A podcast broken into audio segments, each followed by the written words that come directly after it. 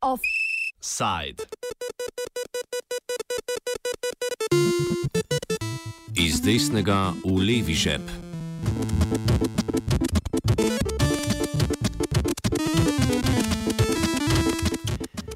Demokratična stranka upokojencev Slovenije je v državni zbor uložila predlog zakona o demografskem skladu. Koalicija je sicer v ponedeljek ugotovila, da so vsebinske razlike med strankami prevelike, da bi zakon predlagala vlada. Demografski sklad, v katerega naj bi se prenesel del državnih kapitalskih naložb, naj bi do leta 2040 dobičke iz naložb vlagal in tako večal svoj portfelj, po tem letu pa naj bi začel izplačevati del dobičkov kot dopolnilo pokojninski blagajni.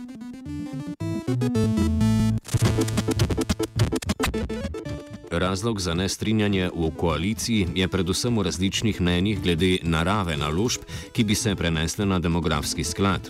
Zakaj Desusovemu predlogu nasprotujejo v stranki modernega centra, pojasni njihov poslanec Bojan Kranc.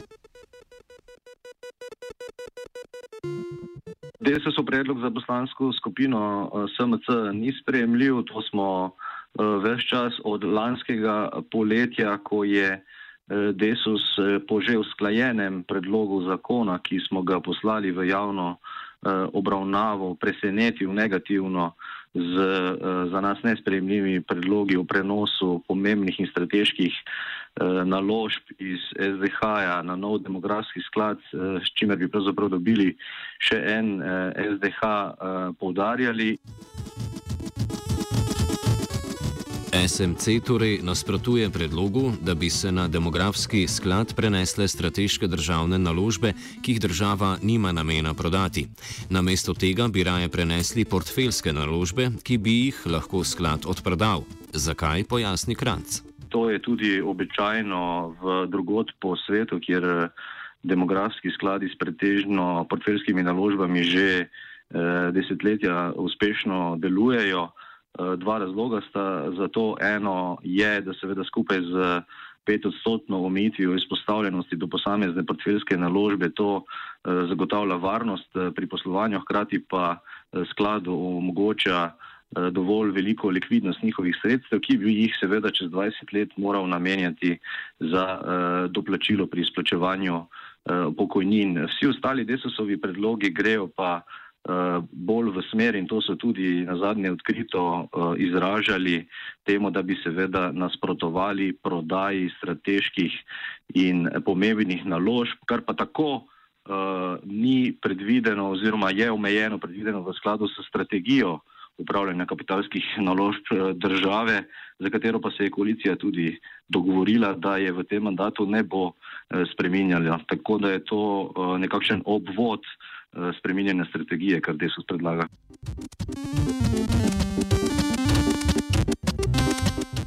V Zvezi društev upokojencev, ki podpira Desusov predlog, pa zagovarjajo prenos strateških naložb, pojasni Janez Sušnik, predsednik Zveze. Strateški, tako je. Lejte. Uh, da, mislim, zdajšnji predlog ministrice je bil v lanski jeseni, da bi tudi portfeljske naložbe imeli in da bi v demografski sklad dobival samo dividendo, ki, za katero bi se domenili. E, mi se s tem ne strinjamo. Ne? V opozicijski levici Desusovemu predlogu ne nasprotujejo, vendar menijo, da demografski sklad ni celovita rešitev za dolgoročno vzdržnost pokojninskega sistema. Pojasnjuje strokovni sodelavec levice Marko Kržan. Levica predlogu Desusa ne nasprotuje. Opozarjamo pa, da je to polovična rešitev, mogoče celo navidezna rešitev. Uh, zakaj? Zato, ker mi vemo, da je primankljaj pokojninske blagajne tam v rangu 1,2 milijarde evrov letno, medtem ko država ne, od vseh dividend uh, iz podjetij v lasti Slovenije pa SDH-ja pridobi okrog 250 milijonov evrov letno. Ne, tako da uh, s tem seveda ni mogoče v celoti uh, zmanjšati oziroma pokriti primankljaja pokojninske blagajne. Zato je v resnici edina dolgoročna rešitev, da se dvignejo prispevki delodajalcev za pokojninsko zavarovanje, um, recimo na raven, kot je bila že do leta 1996, um, ker na ta način pa v sistem dejansko pritečejo nova sredstva. Ne? Kržan povdarja, da Desusov predlog za vzpostavitev demografskega sklada ne zagotavlja novih sredstev. Dohodki iz naložb, ki se trenutno stekajo v proračun, bi se po predlogu le premaknili v pokojninsko blagajno. Ker to, kar predlaga Desus, v resnici ne teh 780 milijonov ne bojo novi veri, ki bi jih recimo plačal kapital, ne, če bi mi uvedli nove uh, više prispevke uh, delodajalcev ali pa recimo kakšen prispevek na, na uh, dobiček.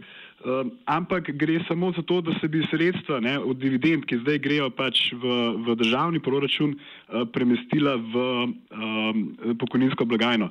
Tako da ne, po predlogu Desusa na koncu gre samo za prenos pač sredstev iz uh, proračuna v Eh, pokojninsko blagajno, kar ni sicer nujno slabo, ne, ker se sredstva pokojninske blagajne lahko uporabijo samo za pokojnine, ne pa recimo za vem, nakup novih patri, eh, protokol, birokratske in podobne pač eh, izdatke. Eh, ampak ne, to ni nov vir sredstev. V bistvu.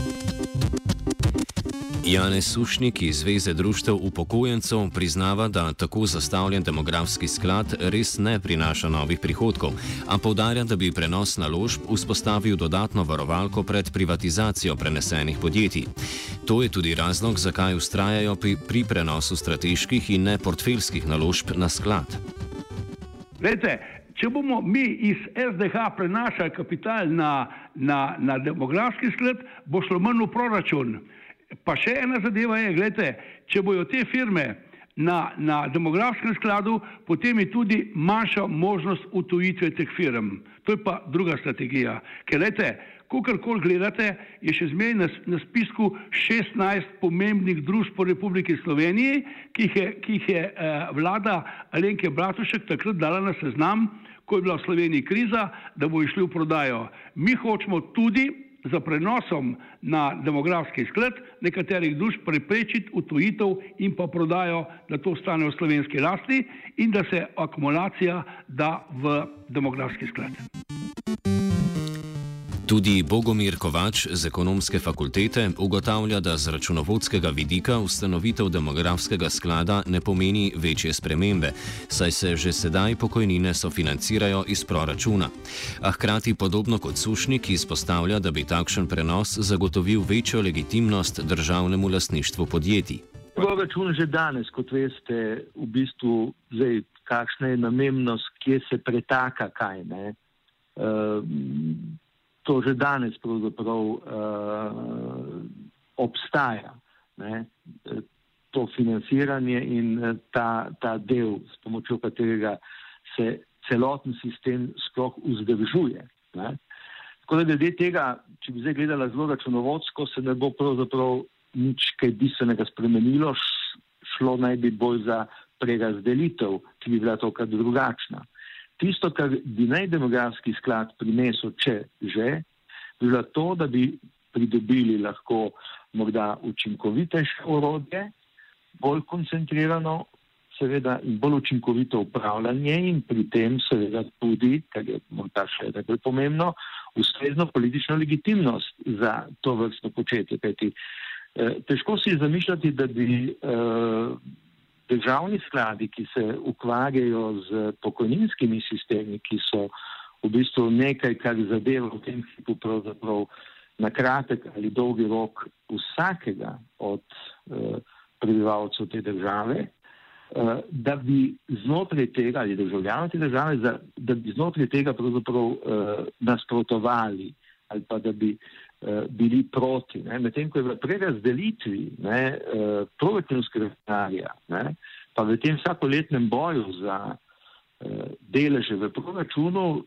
zagotavljati seveda ta denar, pravzaprav vedno znova pod nekim silnim političnim pritiskom.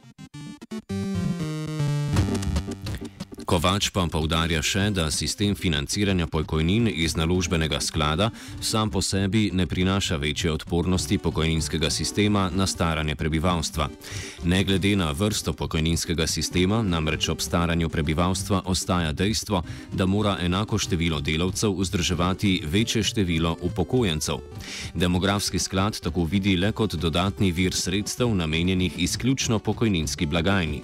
Opozarja pa, da sklad tudi po letu 2040, ko naj bi se iz njega začelo izplačevati pokojnine, ne sme zgolj trošiti premoženja za tekočo porabo, temveč mora obseg naložb vsaj vzdrževati, če ne povečevati. Ali se to premoženje seveda plemeniti ali se povečuje, ne? to je nekaj, kar je stvar gospodarjenja s tem premoženjem. Mi danes eh, preprosto razumemo, da je državno premoženje eh, bolj ali manj eh, tukaj zato, da ga prodajamo in da njegove sadove seveda tekoče porabljamo. Ne? Ni namen to vrstnih državnih skladov, da se preprosto uh, po tej plati uh, amortizirajo in da seveda na koncu ne ostane nič. Tukaj je treba v bistvu delovati tako, da se z donosi ne, in tudi s povečanjem premoženja, pravzaprav to premoženje ohranja in krepi. Ne. To je v bistvu eh, namen to vrstnih stvari. Zato lahko bi v prihodnosti si seveda zamislili, da bi določen del tudi kakšnega premoženja, eh, ki bi ga posebej določili ne, in ki bi imelo neko sposobnost eh, rasti in povečevanja, seveda usmerjali sem. Lahko se pojavlja takšen sklad tudi kot aktivni investitor. Pokojninski skladi pri nas pravzaprav te vloge nimajo, eh, drugot pa jo imajo. Ne, se seveda z določenim tveganjem, ki pa je seveda skrbno nadzorovano in znotraj tega seveda podrejeno vendarle končnemu cilju. Offside je pripravil Twitter.